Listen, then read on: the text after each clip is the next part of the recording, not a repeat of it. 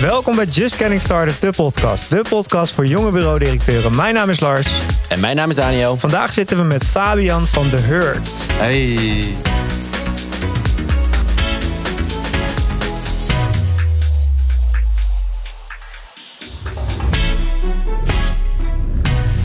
Yeah. Yes. Goedemorgen, Fabian Hey. van. Hurt. Het is de eerste keer dat we iemand hebben van een bureaugroep. Wat eh, vind ik best wel eh, nice, dat we daar ook eens over kunnen hebben. Ja, leuk, leuk dat ik de eerste mag zijn daarin. Ja, toch? Heel nice. Ehm, voordat we in de vier eh, P's gaan duiken, zijn we heel benieuwd naar hoe jij gestart bent met The Hurt. Of ja, hoe je je reis tot nu toe eigenlijk. Ja, ja, ja. Nou, een groep start je niet zomaar. Dat begint natuurlijk altijd bij, bij één bureau. En dat is intussen alweer 13 jaar geleden. Zo. We gaan richting de 14 zelfs volgens mij. Ja. Ehm, Hoe oud ben je als vraag maar? Je ziet er nog jong uit namelijk. dank je, maar 36. Oké. Dus ik was ook heel jong toen Ja, we het eerste bureau eh, hebben opgericht. Welke is, crème gebruik je? Die moet jij ook hebben. eh, ehm, geen? Mag Nee, dat ook? nee, dat Ja. mag ook zeker. Ja. Maar eh, terugkomen op het bureau. Eh, ja, het begon ooit allemaal met het eerste bureau Elephant. Dat was de basis. Dat was een bureau wat we toen nog een, een webdesignbureau noemden. Ja. Toen was die eh, term nog heel cool. Dat is Ja. intussen helemaal niet meer natuurlijk. En vanuit daar eh, is, dit, eh, is het verder ontstaan. Eh, maar die, die journey is wel wat langer gegaan dan... eh, die is vooral in een stroomstelling de laatste jaren gekomen. Dus Ja. we hebben denk ik eh, een jaar of tien zijn wij met, eh, met Elephant aan de slag geweest. En vanuit daar is de behoefte gekomen. Maar ja, moeten we dit niet anders gaan doen? En kunnen we het niet eh, eh, breder trekken? Mhm. Zonder het eigenlijk weer eh, veel te groot, eh, ingewikkeld en onpersoonlijk te maken. En ik denk dat dat een hele belangrijke was. En uit hoeveel bureaus bestaat de groep nu? De, de groep bestaat nu uit drie bureaus. Ja. Maar ik kan een, eh, een scoopje geven. Nice. Nummer vier. eh, eh, komt eraan. Nice. En eh, ja, die zal binnen, nou ja, we nemen nu het gesprek op, maar eh, binnen nu een, een maandje of twee, denk ik dat wij. eh, Handtekening zetten. in, Ja. Nou, dan zijn we de wereld in. De handtekening, Oké. De notarisafspraak is al gepland. Kijk, kijk. Hey, en eh, drie bureaus, dat worden vier. En kan je vertellen over welke disciplines jullie nu hebben en welke discipline erbij komt dan zo meteen? Ja, zeker. Nee, tuurlijk. Eh nou ja, Elephant had ik al eh, genoemd. Nou, die zitten nog steeds in diezelfde hoek. Noemen zichzelf digitaal bureau. En, ja, maken vooral websites, digitale oplossingen Ja. in de breedste zin van het woord. Dan hebben we daarnaast Raft. Dat is een strategisch online marketingbureau.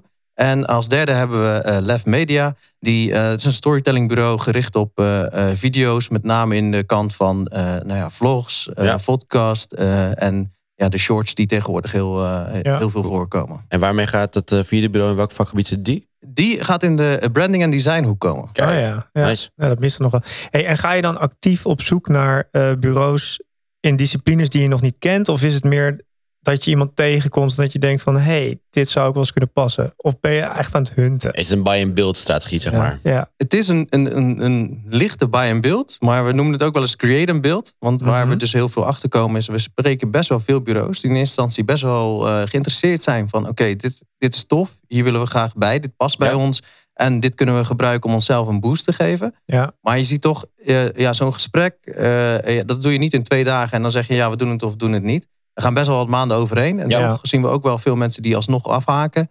Eh, dat heeft er ook gewoon mee te maken met eh, hoe we het inrichten. Wij komen echt wel, eh, eh, ja, we vragen een stuk commitment. We geven ook een heel groot stuk commitment terug. Maar daar moet je wel, eh, wel klaar voor zijn. En, Is het zeg maar aandelen swap wat je uiteindelijk doet? eh, ja, zeker, zeker, zeker. Dus eh, oh, ik kan daar wel gewoon heel open over zijn. Eh, eh, wij hebben een eh, verhouding van 60-40. Ja. 60% blijft bij eh, de, nou ja, de eigenaren, directeuren van het bureau. En 40% komt bij, eh, bij de heur terecht.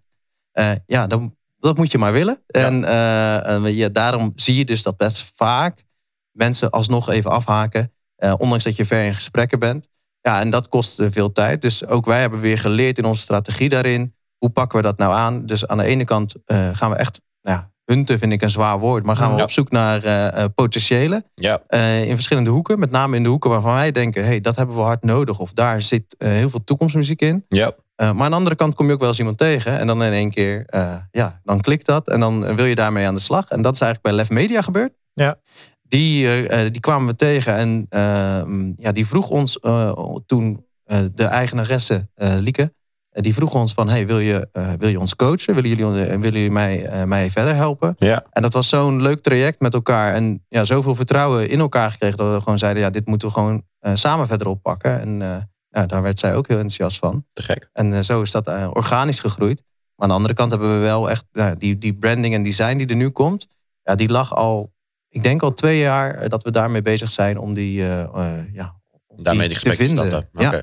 Om die te vinden of dat je die gesprekken al hebt met die partij? Wat Nou, we hebben heel veel partijen gesproken. Oh, heel ja. veel branding en designpartijen waarvan ja. wij dachten van oké, dit is misschien interessant. Heel veel die wij zelf ook zelf afketsen aan het begin. Ja, Eh, maar ook eh, dat we wel verder in de gesprekken kwamen, maar uiteindelijk er niet, eh, ja, niet uitkwamen omdat Ja. het toch niet de volledige match was. Wat zijn dan de zaken waardoor, waardoor je die match krijgt? Waardoor, waardoor je het nu met deze wel eh, gaat, zeg maar? Nou, misschien leuk om, om te weten over eh, ja, onze kernwaarden van, van het bureau, omdat het een heel van de, de groep, of Ja. collectief willen we het eigenlijk het liefste noemen. Ehm, die kernwaarden zitten heel erg in het, in het persoonlijke en in het klein willen blijven. Oh Dus ja. Als bureau zeggen wij, blijf klein. Ja, wat is klein? Zeg even 25 man is, dan ben je groot, een grote onder de kleintjes. Ja. Mhm. Ehm, dus als je die ambitie hebt en, en zegt, ja, ik wil dat heel sterk doen, maar dat heeft ook een gevolg. Want als je heel klein blijft, dat betekent dat je of eh, heel erg niche moet gaan, eh, Ja. gaan spelen, of eh, eh, ja, je moet een bepaalde doelgroep gaan pakken. Eh, nou ja, wij zeggen van, ja, wij willen echt de niche spelers hebben en die aan elkaar koppelen. Ja. En maar een hele belangrijke daarbij is, ja, het, het persoonlijke richting klanten, maar ook richting medewerkers is daarin heel belangrijk. En daarin gaat eigenlijk samenwerking boven eh, maximale resultaat. We hebben niet de ambities om de allergrootste, de allerbeste en eh, de topmerken van, eh, van deze wereld binnen te halen. Oké. Nee, wij willen juist heel graag een hele goede samenwerking, wat automatisch weer resulteert in een mooi eindproduct. Oké. Hey, eh The Hurt. een kudde mensen, gok ik zo. Waar komt de naam vandaan? Ja, eh, nou heel simpel. Het begon ooit bij Elephant. En eh, daar noemen Ah, we kijk. onszelf al wel eens kuddedieren. Oh, ja. Safari geweest. Juist, eh, soort van. En eh, toen zijn we daar, eh, ja, daaruit is gewoon de hurt ontstaan. Kuddedieren, de hurt vonden we wel heel Ja. krachtig. Ook omdat we juist zeggen, hè, wij zijn niet een, een, een groep met, eh, nou, wat ik net al noemde, eh, eh, eh, leeuwen, tijgers, panthers, die, eh, die, die de wereld aan gaan vallen. Maar Ja. juist als, als kudde staan we heel krachtig en eh, eh, ja, eh, kan je op ons bouwen. Nice. Op jullie website zag ik een kudde paarden trouwens. Klopt dat? Ja, Ja? dat was gewoon een heel vet filmpje. Ah, Oké. En die paste heel goed erbij. Ik vind olifanten wel leuker. ja, maar dat, dat, is- dat is weer de positionering van het ene bureau. hè? Ja, ja, true. Oké. Precies. Alright, nou, let's get started dan. Starten met de eerste P van proces. ehm, want dat zal wel wat zijn in een, Ja, eh, in een, ehm, een kudde, In kuddebureau. ja. Zeker. Ehm, kan je eens vertellen wat er is veranderd ten opzichte van je eigen bureau, process-wise? Of je eigen bureau, sorry, eh, wat, wat Elephant zeg maar was. En wat, het, wa- wat voor proces je nu hebt. Wat is daarin veranderd? Nou, één ding zijn we wel achtergekomen. Je kan niet het proces van het ene bureau zo op het andere plotten. Dat, dat werkt aan niet omdat er andere type mensen zitten. Andere vakspecialisten die daar eh, rondlopen. Maar ook gewoon, de, diensten worden net anders aangeboden. Ja. Oh, ja. Eh, ja, bij Elephant zie je heel erg eh, projectwerk. Want ja, je gaat iets eh, eh, designen, ontwikkelen.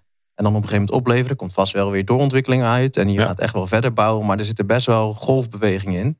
Kijken we naar, naar Raft, dan is het veel meer eh, abonnements, retainer structuur. Ja. ja. En dan ben je maandelijks gewoon constant ja, voor ongeveer dezelfde tijd aan Ja. het bouwen. Wel elke keer aan iets anders. Maar dan ga je Heel gewoon steeds verder voorspelbaar, ja. veel voorspelbaarder. Dus vraagt ook om een heel ander proces. Ja. Dus dat stukje proces is best wel. eh, het allermoeilijkste stukje proces is misschien wel dat op elkaar af te stemmen. Wat zitten jullie met z'n allen op één kantoor? Op één locatie? Nee, we hebben twee locaties. We hebben eh, eh, een grote hoofdlocatie in, eh, in Dordrecht en eh, een wat kleinere in, eh, in Rotterdam. Ja. De hoofdlocatie dat is vooral ook Elephant en Raft. En in Rotterdam zit dan Lef Media. Maar je ziet dat dat steeds meer begint te fuseren nu en, en door elkaar heen begint te lopen. Ja. Vind ik zelf persoonlijk ook erg leuk om even Ja. lekker op meerdere plekken te zijn. Ja, snap ik. Ehm, maar dat maakt het ook soms wel weer moeilijker om dat proces even goed neer te zetten. Want je ziet dat dat als het bij, bij Elephant en Raft eh, even een keertje iets fout loopt, loop je bij elkaar binnen en dan eh, vaak met een boos gezicht eh, iemand Ja, ja, naar de ja. ander. En dan, dan ga je er even over zitten en denk je, ja, ja oké, we gaan dit veranderen. En dan is er heel snel een verandering. En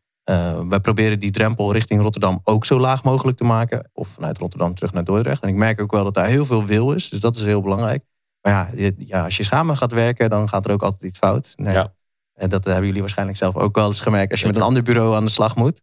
Eh, en, en wij proberen juist een soort lijm te zijn ertussen. En een van de dingen die misschien het proces op wat hoog over is. Nou, er is wel een, een maandelijkse eh sales meeting. Dus ja, Ja. Hey, dit zijn de gezamenlijke klanten die we hebben. Ja. Wat speelt er bij jou? Wat speelt er bij jou? Ja, voor Synergy, wat kun jij daarvoor doen en hoe kun je daarop aanhaken? Precies. En Ja. hele eh, eh, simpele andere dingen zijn de Slack, eh, Slack communicatie, ja, eh, gezamenlijke channels, waar, Ja. we- waar je gewoon dan ook de verschillende professionals of, of vakspecialisten uit de verschillende bureaus samen in hetzelfde kanaal zitten. En de administratie gaat waarschijnlijk ook allemaal via één systeem, et cetera. Zoveel mogelijk dezelfde systemen gebruiken, gok ik. Ja, nou dat, is, eh, dat proberen we wel. Maar we zijn er dus wel achter gekomen dat door die processen... dan zie je dus bij, bij Elephant is heel erg eh, Simplicate gericht. Samen met eh, Jira, omdat dat weer echt heel erg Ja, ja, veel meer in development kant Ja, hangt.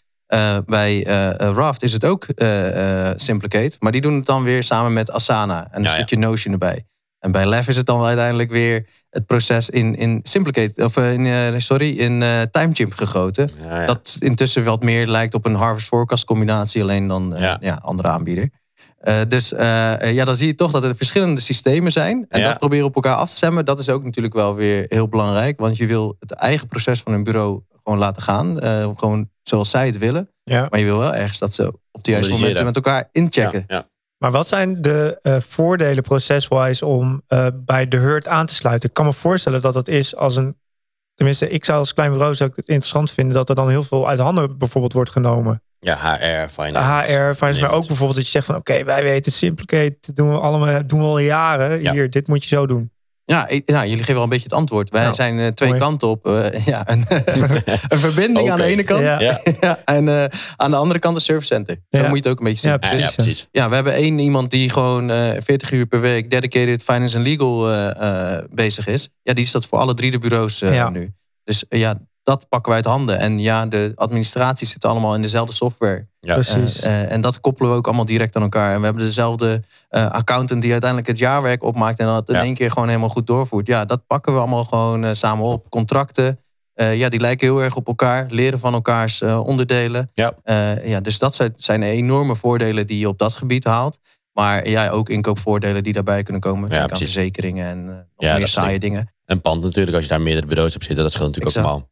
Exact. Wat ik nog niet, niet begrijp, worden dan alle facturen vanuit de hurt gestuurd? Of, of doet iedereen wel zijn eigen factuur sturen met eigen logootje en zo erop? Iedereen stuurt zijn eigen factuur. Sterker nog, er zijn ook heel veel klanten die maar bij- bij één Ja, van de bureaus ja. klant Ja, zijn. ja. Want die willen gewoon dat stukje hebben. En dat Ja. is ook precies hetgene wat we in de flexibiliteit willen geven. Als klant eh, kan je binnenkomen bij één bureau. Dan Mhm. zeggen we, hey, je hebt ook dit soort type vragen. Daar hebben wij broertjes of zusjes voor die dat eh, eh, voor je uit handen kunnen nemen. Maar als je zelf je eigen bureau al hebt of dat intern wil doen, is dat ook goed. Mhm. Waardoor je als, eh, ja, de flexibiliteit hebt eh, om te zeggen: nee, ik zoek alleen maar een specialisme. Maar ook de optie hebt: ja, ik, zoek het he- ik heb een hele brede vraag en ik heb heel de groep nodig. En wat Ja. benoem je dan richting zo'n klant als voordeel om bij die andere, ehm, om zeg maar meer van de hurt gebruik te maken?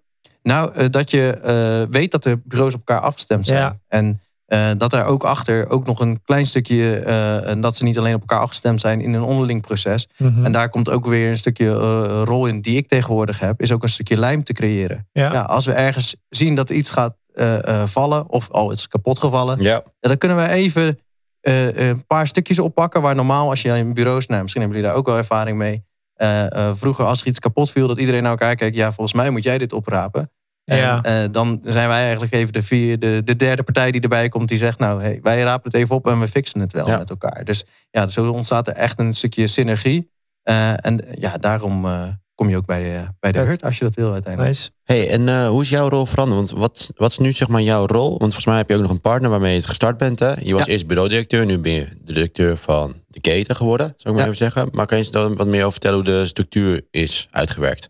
Ja, dat nou, is heel, best wel, eh, eh, mijn leven is best wel veranderd daarin. Ik heb een enorme leercurve gehad de afgelopen twee jaar. Ja. Eh, ja, als, als bureau-eigenaar ben je heel veel bezig met eh, eh, vakspecialisten coachen.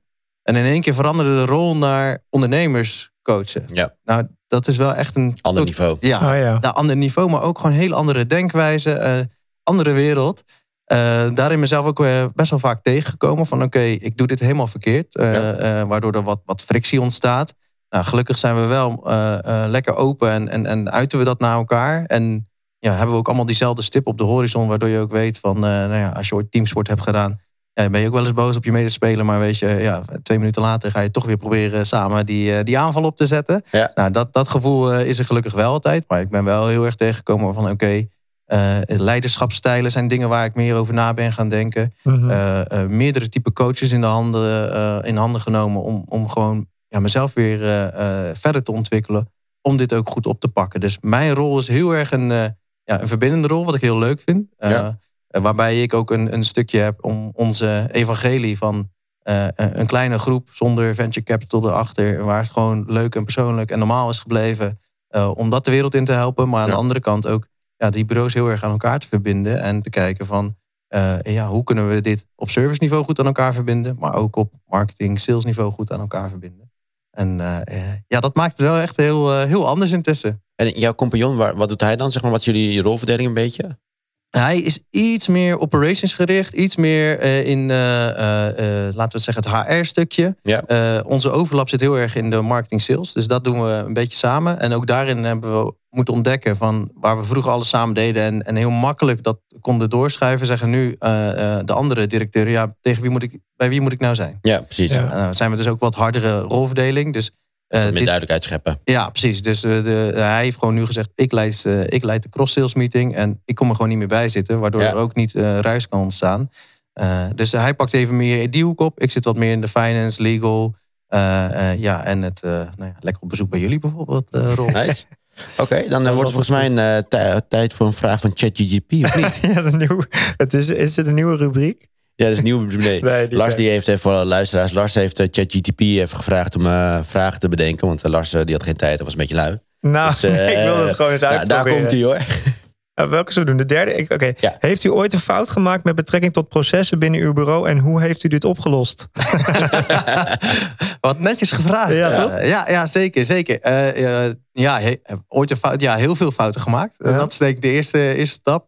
Ehm, en we komen ze nu nog steeds tegen. Eh, wat, wat misschien een hele belangrijke les is, is eh, processen kan je van bovenaf helemaal eh, gaan neerzetten en, en door het team heen duwen. Ja. Maar je kan beter het team motiveren en stimuleren om tot een beter proces te komen. Ja, En- zelf laten beslissen. Exact, want dan komt er ook echt een beter proces. Want dat is natuurlijk ja, eh, als bureau-eigenaar of, of, of directeur, of hoe je het wil noemen, ehm, denk je altijd: ik heb het beste idee. Ergens heel erg Ja. in je achterhoofd. Ja. Kenbaar. Eén ding is zeker: je hebt het niet. Eh. Het beste idee zit echt in je team. Eh, Ja. Zeker als je een team hebt van, laten we zeggen, eh, eh, zeven, acht man eh, eh, of vrouw eh, eh, en meer. Ja, dan, gaat het, dan komen er gewoon mooiere dingen uit. Ja. Goeie. En ook iets waar ze ownership over nemen. En, Ja. en waar ze er daardoor achter staan. En ook eh, accountability gaat omhoog. Want ja, eh, zij hebben het bedacht. Zij gaan het uitvoeren, implementeren. Dus ze voelen zich ook echt verantwoordelijk als er iets fout gaat. Check. Hey, eh, ik denk dat het misschien eh, dan gelijk ook een bruggetje is naar de grote vraag. Wat is je belangrijkste learning geweest over processen? Maar misschien heb je hem al beantwoord. En ja, ik denk dat dit hem wel de allergrootste is. eh, Ja. Zeker, ja. Gewoon mensen, moet, je, ja, mensen stimuleren en de ruimte geven om het proces in te richten. Hey, hoe doe je dat dan? Bijvoorbeeld als er een nieuw iemand in zo'n team komt. Die heeft dan misschien weer behoefte aan andere processen. Verandert dat dan ook de hele tijd? Ja, Ja? ja, Ik, ik denk als er één ding constant verandert, is het proces. Ja. Maar je moet het niet constant op hoofdlijnen veranderen. Nee, dat is natuurlijk wel, ja. wel, ja, als je dat daar. Nee, maar meer Ja, inderdaad onderlinge samenwerking en, en dat soort zaken. Ja, nou ja, we gaan dadelijk van, van eh, eh, drie bureaus naar vier. Mhm. En eh, eh, ik, ja, binnen, binnen één of twee jaar zijn we er met vijf. En zitten we misschien in een derde locatie. Dat gaat het proces ook weer volledig veranderen natuurlijk. Ja, ja. zeker. Maar. Ja, vooral bij de, de, de eigenaren van die bureaus. Het neerleggen van hoe zouden jullie dit aanpakken. En wij faciliteren daarin. Cool. Duidelijk. Oké. Alright, de P van personeel. Ehm, hoeveel mensen werken er nu eh, bij alle bureaus samen? Dus eigenlijk gewoon binnen de groep. Ja, nou, ik, ik dacht deze vraag gaat zeker komen. Ja. Dus in de auto zat ik nog helemaal te rekenen. En ik ga zeggen 25. 25 mensen, Ja. oké, kijk. Ehm, eh, jullie zitten niet in de Randstad, zou ik maar zeggen, natuurlijk. Eh, dat betekent, is, is personeel dan moeilijker, makkelijker te vinden dan eh, hier eh, waar alle bureaus om dezelfde mensen lopen te strijden? Ehm, nou, we zien dat het heel erg verschilt per functie. Ah. Eh, en ook binnen de bureaus zelf, dat het best wel een enorme eh, ja, fluctuatie is in, in wat er nodig is. Eh, kijken we bijvoorbeeld bij, bij een, een Lef Media, die heel erg in die, in die contentcreatie, in die videosfeer zit. Ja. Ja. Ja, da- daar zie je dat de, eh, als er een vacature vrijkomt, ja, dat er eh, gelijk heel veel sollicitaties binnenkomen. Eh, kijken we naar Elephant, die op zoek is naar een backend developer. Ja, dan Dat is, het, lastig, eh, ja. ja. dan hoor je heel wat tumbleweeds voorbij komen. Ja, ja, dan moet je Dus- veel budget aan besteden. Ja, veel budget, tijd. Nou ja, wij zijn er zelfs achter gekomen dat je ehm, je moet, je moet een pijplijn gaan creëren. En volgens mij was iemand eerder al hier te gast die daar ook over eh, Ja. sprak. En toen, ja, toen dat werd verteld, toen dacht ik ook, ja, ja, ja, dat is echt wel de truc. Was Isabel van Greenfood Lab. Die heeft Maar je- inderdaad een ja. eh, pipeline aan mensen. En met een pijplijn bedoel je dat je constant mensen aan het spreken bent. Ja, Toch? Ja. Want, want ja, het is eigenlijk ook best wel gek dat we in saleswereld weten... eh, eh, oh ja, we hebben over drie maanden moeten we weer een stukje capaciteit vullen. Ja. Dus ik ga eh, de wereld in.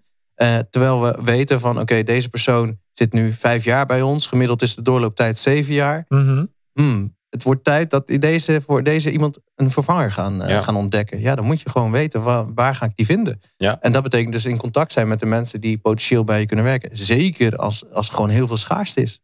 Hey, een andere vraag. Ehm, jij bent zijn inmiddels lid van de VIA, hè? Ehm, Ja. Dus je hebt, de, je hebt ook de benchmark gezien natuurlijk, ook eh, voor personeel. Ja. Ehm, zijn de looneisen bij jullie lager dan eh, bij de andere bureaus? Of valt dat heel erg mee?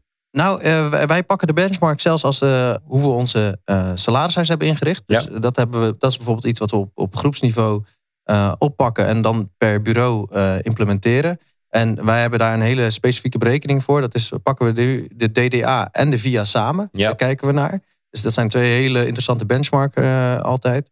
Eh, en wij zitten, eh, omdat we zeggen, we zitten wel in de Randstad. Dat, dat vinden we wel. Namelijk eh, Ja, vanuit Rotterdam. Ja, Rotterdam, ook ja zeker. Ja. Rotterdam zeker. En Dordrecht is, eh, nou ja, eh, als ik van het ene kantoor naar het andere ga en ik heb alles mee, dan ben ik in eh, 19 minuten ben ik er. Ah, kijk, Dus ja, eh, dat, dat valt heel mee. Oké, ben je er? Ja. dus dat is ook wel, en dat is dan het openbaar voer trouwens, met de auto duurt het langer. Ja, ja, wij zeggen dus, we zijn wel Randstad, dus daardoor geven we een, een soort ja, plusje erop. Wij moeten boven het gemiddelde zitten. Ja. Maar omdat we kleine bureaus zijn, gaat er ook weer een minnetje af. Ja. En eh, zo berekenen we dat. En zo bouwen we ons salarishuis dus op. Dus ik denk dat de salarissen niet extreem veel schelen. Ik gok Nee. dat het hier heb je, eh, eh, nou ja, zeker als je een groot bureau bent. Als je een groot bureau in Amsterdam bent, ja, dan dat is de hoofdprijs denk ik. Ja. Maar ehm, ja, ik denk niet dat we extreem veel afwijken. ja, kijk, het leven is natuurlijk in de, in de grote steden zoals Rotterdam, Amsterdam, Utrecht duurder vanwege de schaarste in huizen. Dus dan, Mhm. Dat is een ding natuurlijk. hey, eh, qua salarishuis, dat vind ik ook wel interessant. Heb je dan een salarishuis voor alle drie de bureaus gewoon hetzelfde? Dus gewoon voor de hurt? grote. Ja. Nee, nee, ze zijn ook alle drie nog net eh, licht afwijkend van elkaar. Ah ja. Maar eh, als je ze over elkaar legt, denk je wel van, nou ja, zoals je, als je een DNA-match zou maken, dan zie je ook wie, iemands vader is en wie iemands eh, Ja, moeder en zus is. Ja. Nou, als je ze zo over elkaar legt, dan zie je dat ook bij eh, die, eh, die salarishuizen. Ze zijn wel allemaal eh, gebaseerd op hetzelfde principe. Dus we gebruiken het eh, eh, rollenmodel van, eh, van Barda. Ja. En eh, daarin hebben we weer verschillende schalen gecreëerd. Waarin je binnen een schaal kan groeien, maar ook naar een nieuwe schaal terecht. Wat is dit? Ik, Ja, jij zegt ik, ja, nee, ik nee, wilde dus precies dezelfde uit. vraag stellen. Oeh, oké. Hoe ga ik dat eh, In het eh, kort. heel snel kort uitleggen? Want Nou, ja, precies, ja. Nou, je, je hebt verschillende type eh, functies binnen een bedrijf. Ja. En die kunnen in een bepaalde rol vallen. Zo hebben we de rol allrounder. Iemand die eh, eh, heel snel dingen kan regelen, oppakken, wegzetten. Mhm. Eh, eh, bijvoorbeeld een, een office manager zou daarin kunnen vallen. Maar bepaalde projectmanagementfuncties zouden daarin kunnen vallen. Ja. Eh, je hebt je vakspecialisten. Dus eh, eh, dat is een andere type rol. Zo, ja. Ja, designers, developers, eh, maar ook ja, alles met videoproductie. Eigenlijk alle, alle producenten zijn vaak wel vakspecialisten. Maar ook weer bepaalde type eh, projectmanagers zouden ook weer veel echt, echte vakspecialisten zijn. Dus dat Ja. zijn veel meer die heel erg met proces bezig zijn. En die, die, laten we zeggen, iets verder vooruit plannen dan de allrounder die vaak gewoon bezig is. Hey, hoe kan ik de komende twee weken iedereen ontzorgen en ja, verder is helpen? meer een operatie. Ja, dan heb je de, bijvoorbeeld de professional rol. Dat is iemand die je eh, in een organisatie los kan laten en kan zeggen van oké, wij willen met zoveel procent in omzet gaan groeien en een nieuwe eh, markt aanboren. Kom maar met een plan. Hm. Eh, en, dan heb je daarboven de generalist, dat is vaak de bureau-eigenaar. En ja. tegenwoordig is er, eh, eentje die we altijd eh, eh, ja, buiten beschouwing lieten, is dit daarboven ook de leider. Dat is iemand met een visie, lange termijn, vijf jaar. Dit, dit wat je nu uitlegt gaat een soort van junior naar senior. Is dat, is, Nou, binnen, ieder, binnen ieder eh, heb je dus ook nog eens de junior, medior, senior Oh, eh, eh, kant. Want eh, het is niet de bedoeling dat iemand van allrounder naar leider gaat. Want dat, dat is een reis die voor heel veel mensen eh, A, niet weggelegd is. En waar ze ook totaal niet gelukkig van worden. ja, Dus je ziet heel veel mensen, met name bijvoorbeeld, nou, als ik even een developer als voorbeeld neem. Dat zijn vakspecialisten. Die blijven ook binnen. Blijven vakspecialisten. Ja, die blijven vakspecialisten. Maar er zit zoveel groei in, die, in, ja, in, in de ruimte daar nog in. Van junior vakspecialist naar senior. Ja, daarvan zeggen we, eh, als, je er, als je echt als stagiair binnenkomt en je wil een senior eh, eh, worden, ja, dan ben je op tien jaar onderweg.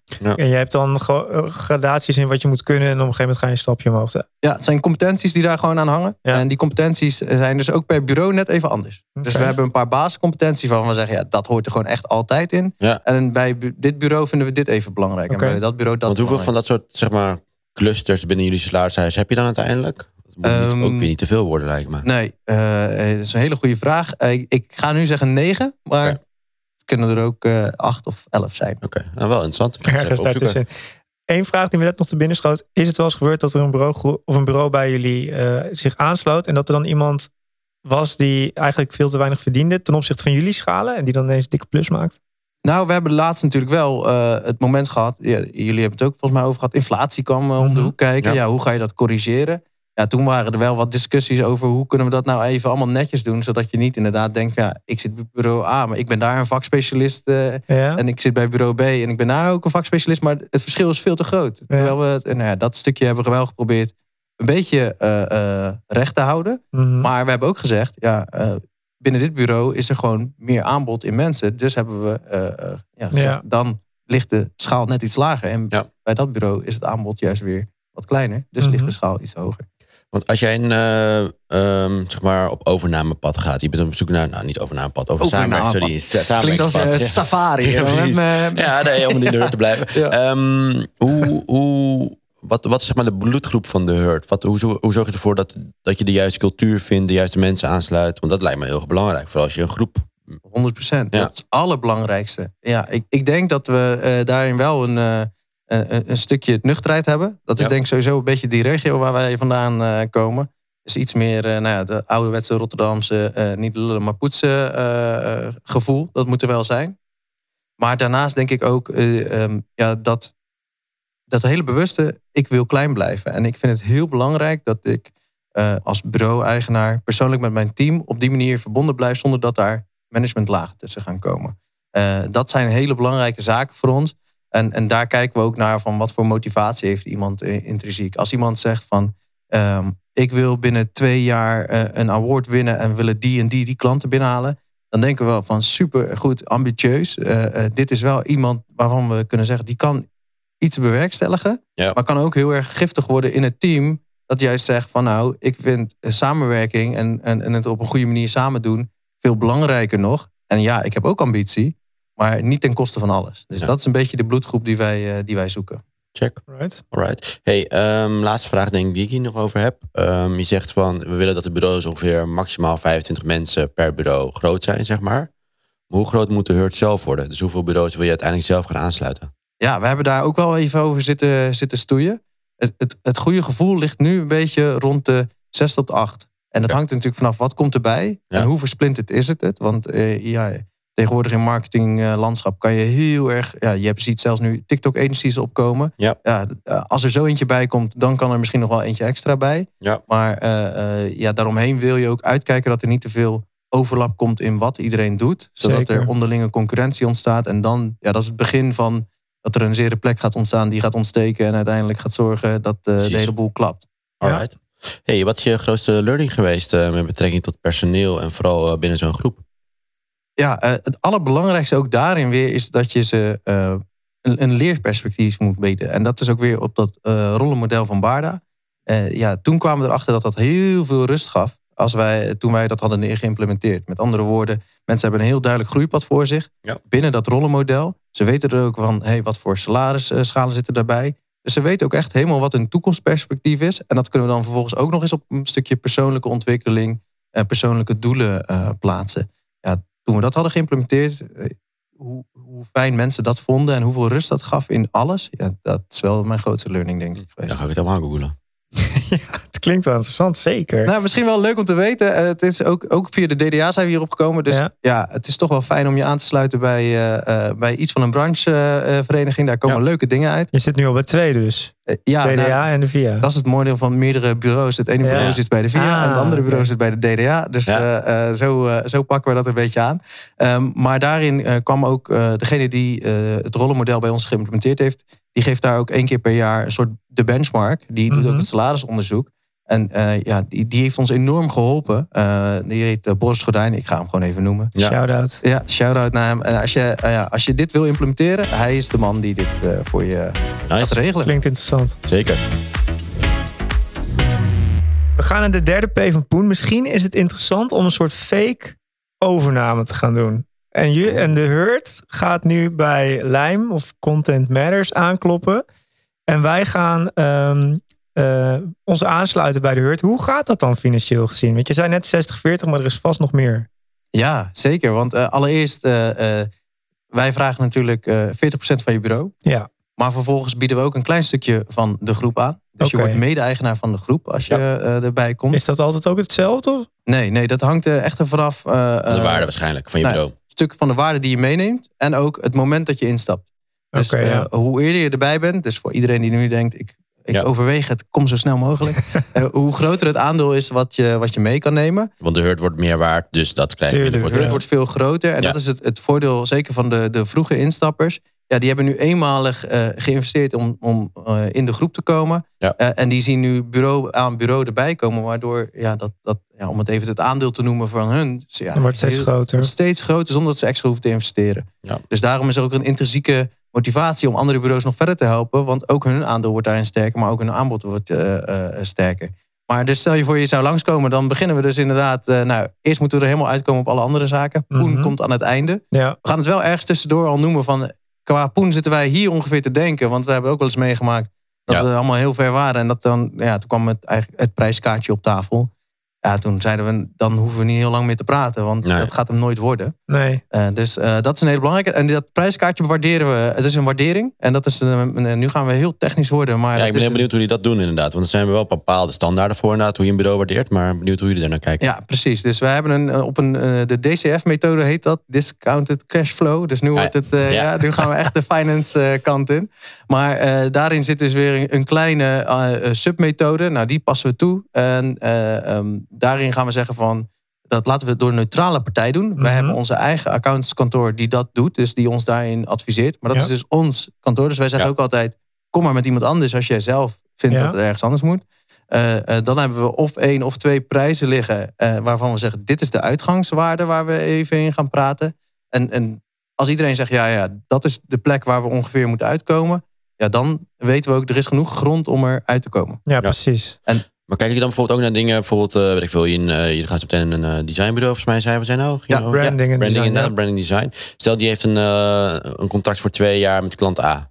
Is dat dan ook iets wat je meeneemt in de waarde? Ga je ook echt zo ver? Of hou je het meer op gewoon puur, oké, hoeveel cashflow heb je, wat, et cetera? Cashflow is denk ik wel de belangrijkste uitgangswaarde. Maar ehm, ja, ik heb intussen ook wat, wat lesjes daarin moeten krijgen van hoe werkt dat nou precies. En, en laatst ook meegekregen van ja, hoe, hoe, hoe beïnvloed je de waarde van je bureau om het hoog te krijgen. Ja. En daarin is cashflow het allerbelangrijkste. Maar hoe je die kan beïnvloeden kan dus ook zijn door te zeggen van wij hebben gemiddeld 40 dagen staan onze facturen open. Als je dat terug weet te brengen naar 29 dagen, kan je bureau zomaar in één keer, hangt vanaf van waar het de waarde is, maar met 2, 3 procent stijgen in, Ja. in waarde. Dus het zit niet alleen maar in hey, meer omzet of ik heb lange termijn contracten. Het zit in heel veel dingen. Ja, Nou, dat is voor mij veel te ingewikkeld om het zelf te berekenen. Daarom zeggen we, hebben we specialisten voor die precies. dat doen. En, maar die specialisten zeggen eigenlijk ook weer... ja, dit is onze berekening. Nu moeten jullie eruit zien te komen. Ja. Want dat is Ja, het altijd... is natuurlijk altijd het is een stuk gevoel en het is een stuk natuurlijk eh, puur praktisch Ja, eigenlijk. precies. Zoals, Harde cijfers. En je koopt dus eh eh 40% van mijn bureau in dat Ja. geval. Zijn die aandelen die dan ehm, die je van mij koopt, is dat eigenlijk altijd genoeg om mij weer terug te kopen? Is het een soort van Ja, oversteek in de aandelen van de hurt? Of, is een gesloten of, portemonnee of eigenlijk. krijg ik altijd geld? N- nou ja, ik, ik denk dat de kans groter is dat je altijd geld krijgt. Ja, Tenzij je een heel klein bureau hebt. Dus stel je voor je bent met twee, drie man. Dan, Ja. dan is de kans wel aanwezig dat het zich ongeveer tegen elkaar gaat, eh, gaat uiteffenen. Maar eh, anders eh, ja, vang je ook nog even wat tussendoor. leuk. En, eh, maar dat is wel interessant, want jullie zeiden net van we hebben geen investeerder erachter zitten of geen venture capitalist in dit geval, zoals een grote debt of zo. Ja. Eh, dus als jij eh, cash gaat uitkeren voor die aandelen, zeg maar tussendoor, eh, hoe kom je aan dat geld dan? Ja, dat, dat, dat is een hele, ja, hele goede vraag. Eh, heel zwart-wit. De cash die, waar we mee begonnen zijn, die zijn door eh, mijn compagnon en eh, ikzelf eh, als allereerste opgehoest. Eh, gewoon doordat we al jaren eh Elephant hebben gehad waar gewoon wat Ja. uit rendeerde. Ja. En we zijn allebei eh, eh, in het dagelijkse leven redelijk zuinige mannen. Eh, dus dan hou je ook daadwerkelijk wat over Ja. in, eh, in je, eigen, nou ja, je eigen beheer-BV. Nou, dat was genoeg cash om, Precies, om mee ja. aan de slag te gaan. Om weer de markt op te gaan. En hoe groter eh, de groep aan bureaus wordt, hoe groter het gedeelte wat ieder jaar vanuit het dividend terugvloeit naar de groep. Exact. En daarmee hebben we dus weer genoeg cash om eh, nieuwe aankopen te doen. Maar- Tenzij het- de aankoop te groot wordt, ja, dan komt er misschien wel een moment dat we zeggen: we gaan toch externe financiering, maar dan wordt het gewoon echt een lening. We gaan Ja. niet met venture Die gaan niet, ja, nee, precies. En je hebt ook geen eh, externe investeerders erin zitten. Gewoon angels of wat dan ook. Nee, helemaal Nee, niks. helemaal Nee, allemaal eigen geld. Ehm, en als je... Ja, en heb je eigenlijk internationale plannen? Ambities? Nee, juist niet. Nee. Heel, Nee, heel klein duidelijk. blijven, Ja, toch? Klein blijven. eh, Ja. eh, en ook als je het klanttype bekijkt, eh, eh, willen serieuze eh, eh, ja, partijen met, met serieuze budgetten. Want dat is gewoon altijd belangrijk als je iets- leuks wil leveren. Ja. Ehm, maar in Nederland, ze zitten vaak ook iets meer in bijvoorbeeld de B2B of iets meer onbekende hoek. Ja. Eh, eh, Scale-up zijn veel mee aan de slag. Ja, dus in, in die hoek blijven wij ook zoeken. En in die hoek blijven wij ook eh, heel veel mensen bedienen. Want Ja. wij zien dat die groep een beetje vergeten wordt zelfs soms. Die zijn Ja. heel blij als ze uiteindelijk ergens bij ons terecht zijn gekomen... die wel bij nou, de grote, de IO's, de DEP's en aan Ja, deze ja. partijen zijn geweest. En dan zeggen ja, ik was daar een nummertje, ik moest alleen maar geld ophoesten. Precies, ze ja. waren er niet. Ik kreeg een stagiair in één keer die mijn account ging beheren.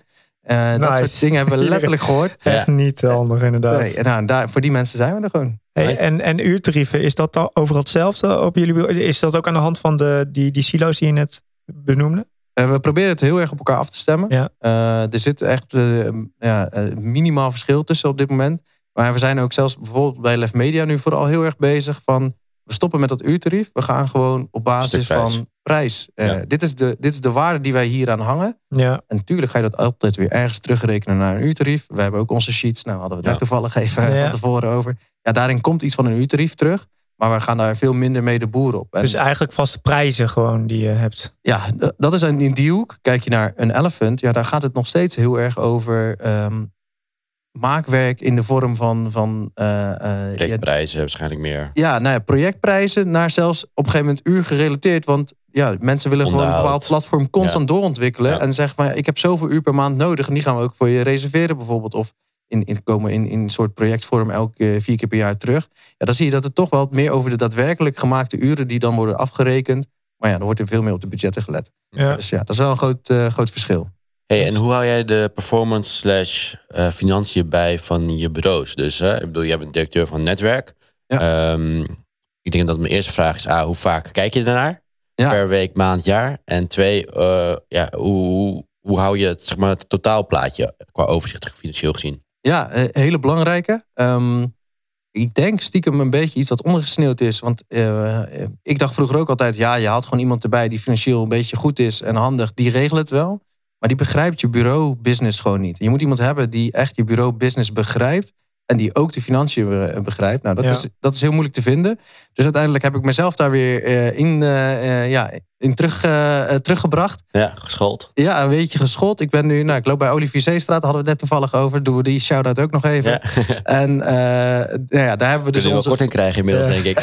ja, precies, Ja, ja. inderdaad. Ja, ik zal het eens doorgeven Ja. aan hem. Maar, ehm, daarin hebben we wat sheets ontwikkeld, wat master dashboards. En dat heb ik nu per bureau staan. En ik ben op de achtergrond bezig om vanuit de systemen die er zijn, via een stukje eh, BI-rapportage, naar een overkoepelend geheel te komen. En zelfs in de toekomst, en hij staat er al op, en ik hoop dat hij dit jaar gaat lukken, dat we ook de waarderingen van ieder bureau gewoon zo helemaal geautomatiseerd erin Eruit hebben staan. Oh Gewoon op diezelfde methode. Iedereen heeft- gebruiken we overal dezelfde methode. En zeggen gewoon, kijk, dit, dit ben je nu waard. Ja, Dus- oké. Maar dan, dan neem je dus niet dingen mee, zoals wat Daan net zei, die soft dingen van je hebt een contract van, eh, van drie jaar voor, voor drie Nee, miljoen. nee dit is echt heel indicatief. Ja, ja, precies. Ja, maar heb je we, wel iets we zijn ook niet voornemens om te verkopen. Nee. Maar iemand wil toch wel weten van ook mensen die bij de hurt aansluiten. Een van de zaken die wij zeggen is wij kunnen jou eh, gezonder en sneller laten groeien. Ja. Ehm, dan heb je ergens ooit een aandeelprijs bedacht. En dan Ja, wil je toch weten, is die gestegen in de Ja. tussentijd? Ik heb 40% ingeleverd, maar is mijn 60% die ik nog over heb intussen meer waard dan de 100% die ik toen had. Want dat is een van de doelen die je gewoon hebt. Ja. Als je puur naar geld kijkt. Hè. Laten we, want er zitten dus veel meer redenen om, om samen te gaan Ik werken. ben wel heel benieuwd, want je, je maakt gebruik van eh, nou, eh, de software zeg maar, voor projectmanagement. Daar maken alle drie de bureaus gebruik van. Eh, Mhm. we weten allemaal, want we hebben een paar keer genoemd welke dat is. Eh, maar je gaat daar dus een BI-module, ga je daar dus aan proberen te koppelen. Ja. Dan ben ik wel benieuwd naar, ga je dat dan binnen dat software doen? Of ga je dat juist extern doen, zodat dat ook met je boekhoudpakket gaat corresponderen? Extern, ja. Precies dat. Want eh, iedereen heeft zijn eigen projectmanagement tool. En we weten niet als nummer 5, 6, 7 er dadelijk bij gaat komen wat zij weer hebben. Ja. Eh, dus gaan we dat extern eh, eh, neerzetten. Dan gaan we weer een beetje technisch worden met een tussenliggende data layer. Die eigenlijk alles verzamelt en vertaalt naar dezelfde type data. En dan Ja. uiteindelijk komt er een ja, weergave eh, laag bovenop. Cool. Maar dit is allemaal nog heel erg in de kinderschoen hoor. Oké, nou, Duidelijk. nice. Zullen we nog even in de chat eh, GTP vragen? Ja, ja, zeker, Is het zeker. trouwens chat GTP of GPT? GPT. Oké. ehm, wat is de grootste financiële uitdaging waar u tegenaan bent gelopen en hoe heeft u deze overwonnen? Oeh, dat is een. eh, eh, ga ik even terug naar. eh, ik denk dat het 2015 was. Dus eh, way back. Eh, puur alleen Elephant bestond toen nog. Ja. Ehm, ja, toen hadden we, eh, eh, waren we net lekker aan het groeien. Je zit in, in de flow. En eh, toen was er ingebroken bij ons. Oh shit. En, eh, nou Die ja. hebben we ook een keer meegemaakt. Yes. Ja, dat, is echt, eh, dat was echt een, een lelijke. Want eh, ja, iedereen liet ook gewoon lekker zijn MacBook op, op werk. Ja. Makkelijk, dat soort dingen. Ja. Ja. dat was echt een feestje voor die inbrekers. Die kwamen binnen en die hadden gewoon, ja, die hoefden alleen maar ieder bureau langs zo op te tillen en in, de, in een tas te doen. ja. Maar ja, dan heb je de volgende dag enorm probleem. Want A, eh, enorm veel waarde is, is Ja. verdwenen. Maar B, niemand kan aan het werk. Dus je Ja. moet direct gaan investeren in nieuwe. Nou, dat geeft natuurlijk cashflow problemen eh, eh, eh, waar je niet blij van wordt. Nou, wij dachten, wij zijn hiervoor verzekerd. Had dat helemaal goed geregeld. Bleek niet helemaal perfecte dekking te zijn. Wat dan? Eh, eh, ik kan er niet te veel over uitweiden, want het is uiteindelijk een rechtszaak geworden. En dan mag je daar uiteindelijk niet meer alles eh Oh, daarna Oh, vertellen. ja. Maar het kwam erop neer, eh, wij zijn... eh, Een rechtszaak met de verzekeringsmaatschappij. ja, wij zijn eh, nou de tussenpersoon. Die Oh, er- ja. dus- en, en wij zijn verkeerd geadviseerd eh, door een foutje. Wat, hun, wat kon gewoon, het, letterlijk wat er kon gebeuren, heb ik alle begrip voor. Maar ja, het was wel een foutje.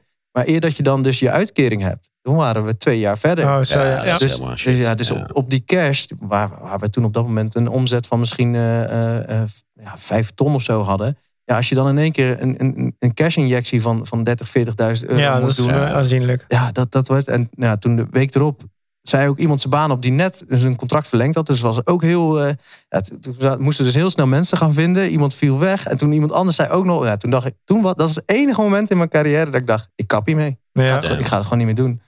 Vier maanden later hadden we de beste omzet die we ooit hadden gedraaid. Dus, Oké. eh, dat, eh, Dat is goed Gewoon al die nieuwe snelle laptops. ja, precies. Ja, dat. Dus ja, nou ja, het is een lang verhaal, maar misschien wel een ja, leuk goeie. verhaal. Ja, nee, dat is wel een hele belangrijke. En daaruit heb ik geleerd van, eh, eh, en ook weer, nou, nou, laatste keer Olivier, laatste keer dat ik je noem. Maar cashflow is daar een hele belangrijke bij. Ja. En eh, daar de juiste buffers voor hebben om dit te kunnen opvangen. Alright. En ja, hoe je dat precies doet, dat is, dat, dat is voor iedereen denk ik wel op een eigen manier. Ik wil toch nog even dan mijn eigen diefstalquote geven. Ik kan het wel zo vertellen. Ik liep dus letterlijk om, dat is volgens mij ook rond 2015, 2016. Ik liep letterlijk de club uit, vier uur s'nachts. En we hadden zo'n Google camera, weet je, die op je telefoon. En dan kreeg je zo'n notificatie van, hé, hey, er is beweging in het pand. Mhm. Dus ik loop om vier uur s'nachts de club uit. Ja. En ik kijk, kijk letterlijk live naar die inbraak. Nee joh. Ja joh. Wat heb je gedaan? Ja, ik heb de politie gebeld. Maar ja, het maakte, want die gasten zijn er gewoon vijf minuten binnen. Die uh, jatten Ja. alles mee. Zat je toen hier al? Was het Eh, nee, we zaten hier ernaast op de Tsaar Peterstraat zaten Oh, ja. toen. En eh, ook aan de straatkant.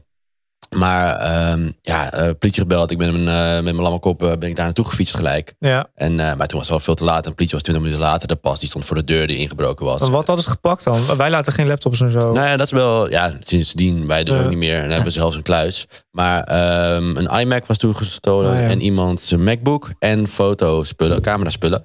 Ehm, en het meest bizarre was nog, dus een lenzen en zo allemaal. Ehm, dat, dat zes weken later had de politie op de Nieuwe Dijk in Amsterdam een hele gepakt met die cameraspullen. En hadden we zes weken later onze cameraspullen weer terug. Oh, nou, dat is weer je voordeel. verzint het niet, hè? Nee, Nee, zeker niet, zeker niet. Maar ja, dat is wel echt een zure. En wat Ja. je zegt, ja, toen hebben wij ook, wij hebben ook gelijk een soort kluis gecreëerd. Ja. En, Ja. eh, en allemaal regels. En beleid. Ja. Beleid is nu gewoon, neem je laptop mee naar huis. Want als die dan onderweg ergens een keer gestolen Ja. wordt. Ja, één laptopje, daar komen we wel overheen. Eh, dus eh, nou, misschien gaan alle mensen nu denken, weet je wat ik vind? Nee, gaan ze niet doen. Nee. Maar eh, ja, dat, dat is dan ook gewoon een manier om dit soort dingen op te vangen. Ja. Nou ja, en de tip daarvoor is ook nog, eh, is gewoon al je bestanden toch in de cloud opslaan. Want eh, dat 100%. je gewoon kunt door blijven werken en niets kwijtraakt. En ehm, we brengen ook gewoon al je apparatuur onder beheer. Oftewel softwarematig beheer. Dus als het gestolen wordt, dat alles gewist kan worden op afstand. Oh, nou, Oeh, dat, heb is- ik allemaal niet op orde. Dat zou ik dus wel eventjes eh, doen. Hey, we hadden het over je grootste uitdaging, maar wat is je grootste learning op het gebied van eh, Poen? Eh, eh, nou, ik noemde hem net al even.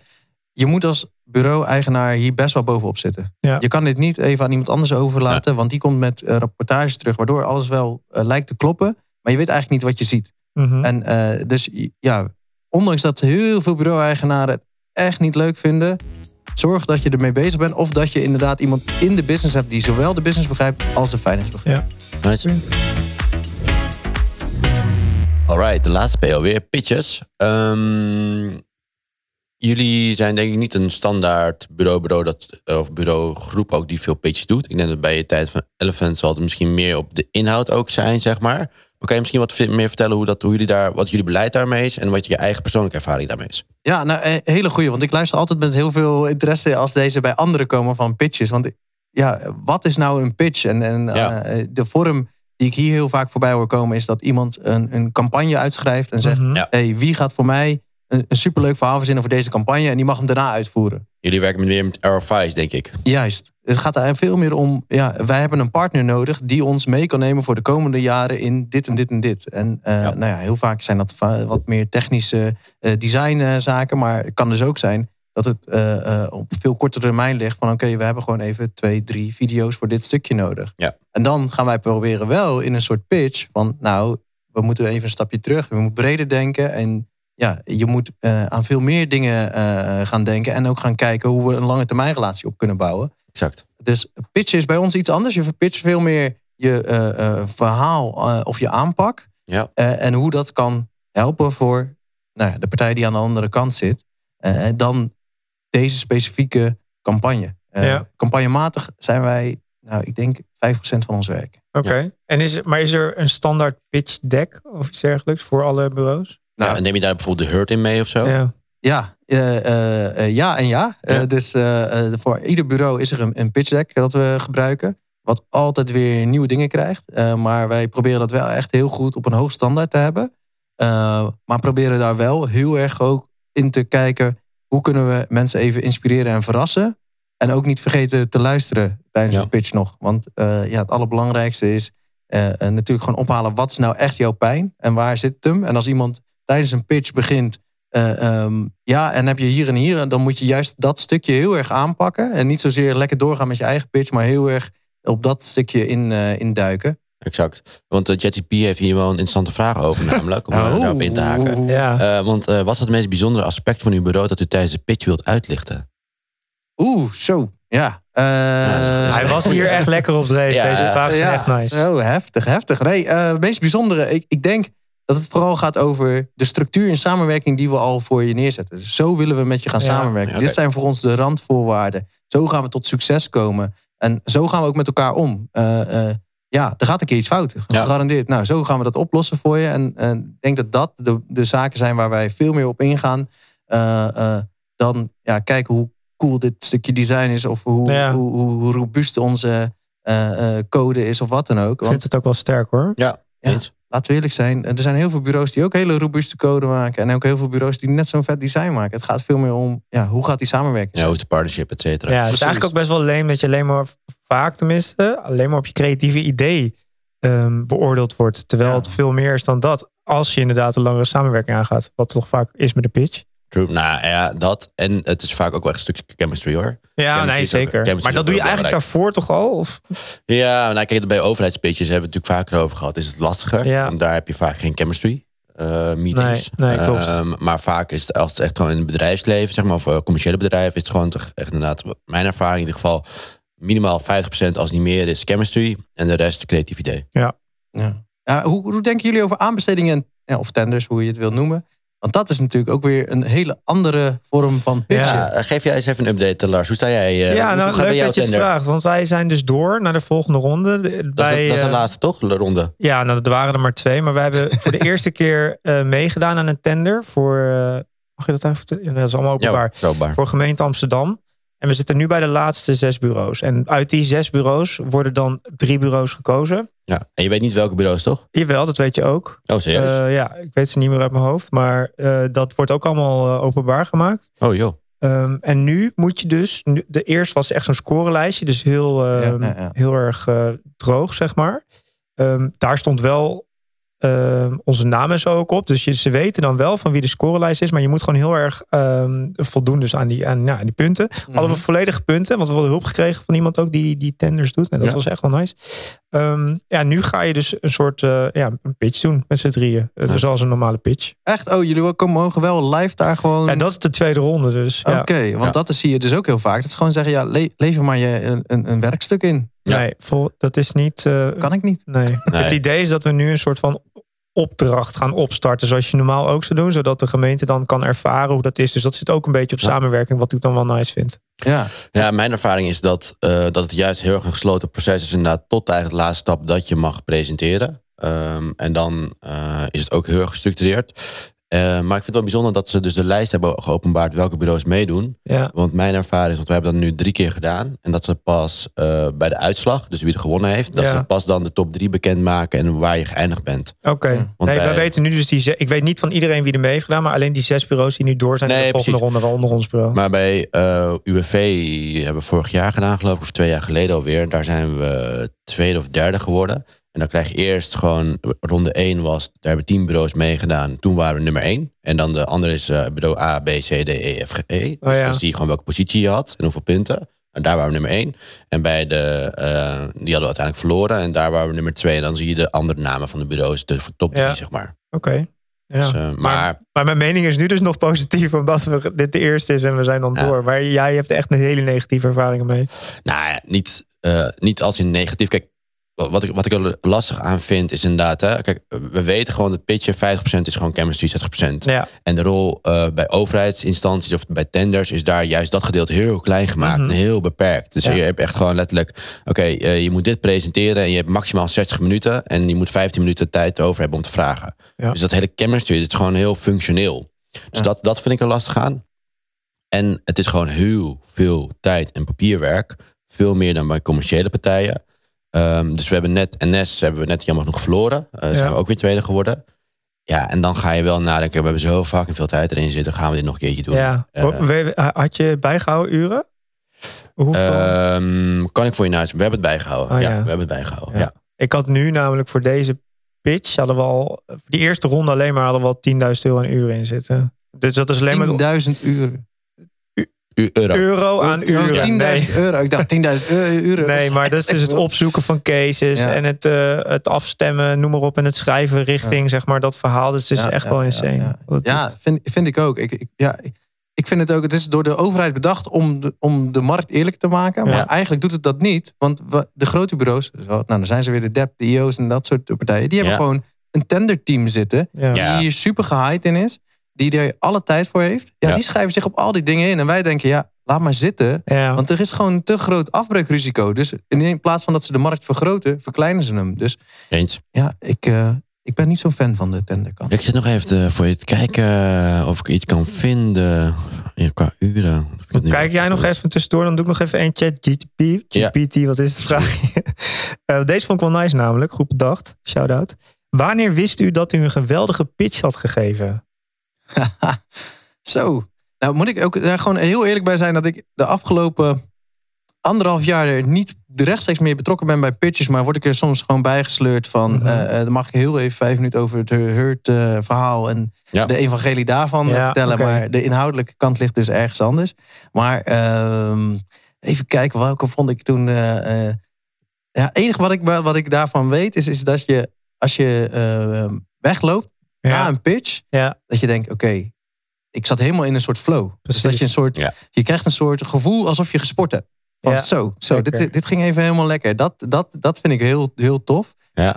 Ik mis dit ook wel een beetje ergens. Maar ik moet dit echt loslaten. ja, dit loslaten, want dit ligt niet meer bij mij. En ik ben ook niet de beste erin, in, zeker niet inhoudelijk. Dus eh, ah, nou ja, alleen maar in, in misschien het, het leuk doen en het grote stukje visie van waarom eh, eh, doen we dit. Maar ja, mensen willen ook vooral horen waarom doe je dit voor mij. Ja. Nou, dat stuk moet echt door anderen gedaan worden. Maar ja, dat stukje eh, vind ik wel echt het uh, tofste. Dus zo'n zo'n zo'n gevoel van, ik heb gewonnen, Ja, komt dan over je heen. dat is lekker hè. We hadden het laatst, het laatst ook bij een pitch, maar toen wel verloren. En dan is het ook extra zuur. Ja, dat heb ik dus ook een keer gehad. Dat doet echt pijn. En- Ja. En ik kan ook nog wel herinneren dat ik samen toen met een eh, collega naar buiten liep. Ik zei, nou, deze gaan we nooit meer krijgen. En twee En dagen toen had je wel. Ja, jullie zijn het. Weer toen, daar begrepen we helemaal niks van. En toen Ja. later is diegene die ons de pitch heeft gegeven, is bij ons komen werken. En Ah, die ja. zei ook gewoon van, ja, want we kwamen te laat. Want we hadden de tijd verkeerd bekeken. Ja. En we kwamen daar dus eh, oh, een beetje gehaast binnen. Eh, ehm, er waren best wel wat stevige vragen van de directeur. eh, op een gebied waar wij juist niet even eh, Mhm. op, op waren Ja, ja, ingehaakt. ja, ja. Dus wij dachten, ja, dit gaat helemaal de verkeerde kant op. Maar zij zei dus achteraf, ja, ik had van tevoren al gekozen dat ik met jullie wilde werken. Dus ik heb het gewoon doorheen geduwd. Ja, Ah, ja, Dus ja. dat die pitch zal zitten. Ik had het niet opzoeken, maar heel veel uren. Heel daarover veel eh, bij. uren. Alright. Alright. Hey, ehm, wat is je belangrijkste learning geweest met betrekking tot pitches of die jullie nu hebben? Ehm, nou, ik denk ehm, dat het vooral gaat, kies welke pitches je gaat doen. Hè? Ja. Kies waar je naartoe gaat. Eh, ik hoor jou net zeggen, we zijn nog met zes over. Dat is voor mij een big red flag. Dat betekent dus dat er gewoon, hè, als je hem even heel simpel verdeelt, dat je één zesde kans hebt maar. De correctie, die gaan er drie door. Dus, 50, dus eigenlijk, Oké, ja, nou, dat is wel anders. Ja. Dat is wel een beetje een dingetje. Dus, dus zorg dat je echt een serieuze kans maakt. Ja. En eh, ook blijf bij je kracht. Dus wij weten ook gewoon, ja, die, die chemistry waar je het net over had, is voor ons een hele belangrijke. Eh, als we die kunnen tonen, eh, dan doen we mee. Als het inderdaad echt een, een, een ja, soort zwart-wit uitvragen is van lever je werkstuk maar Ja. in. Geen tijd aan besteden. Check.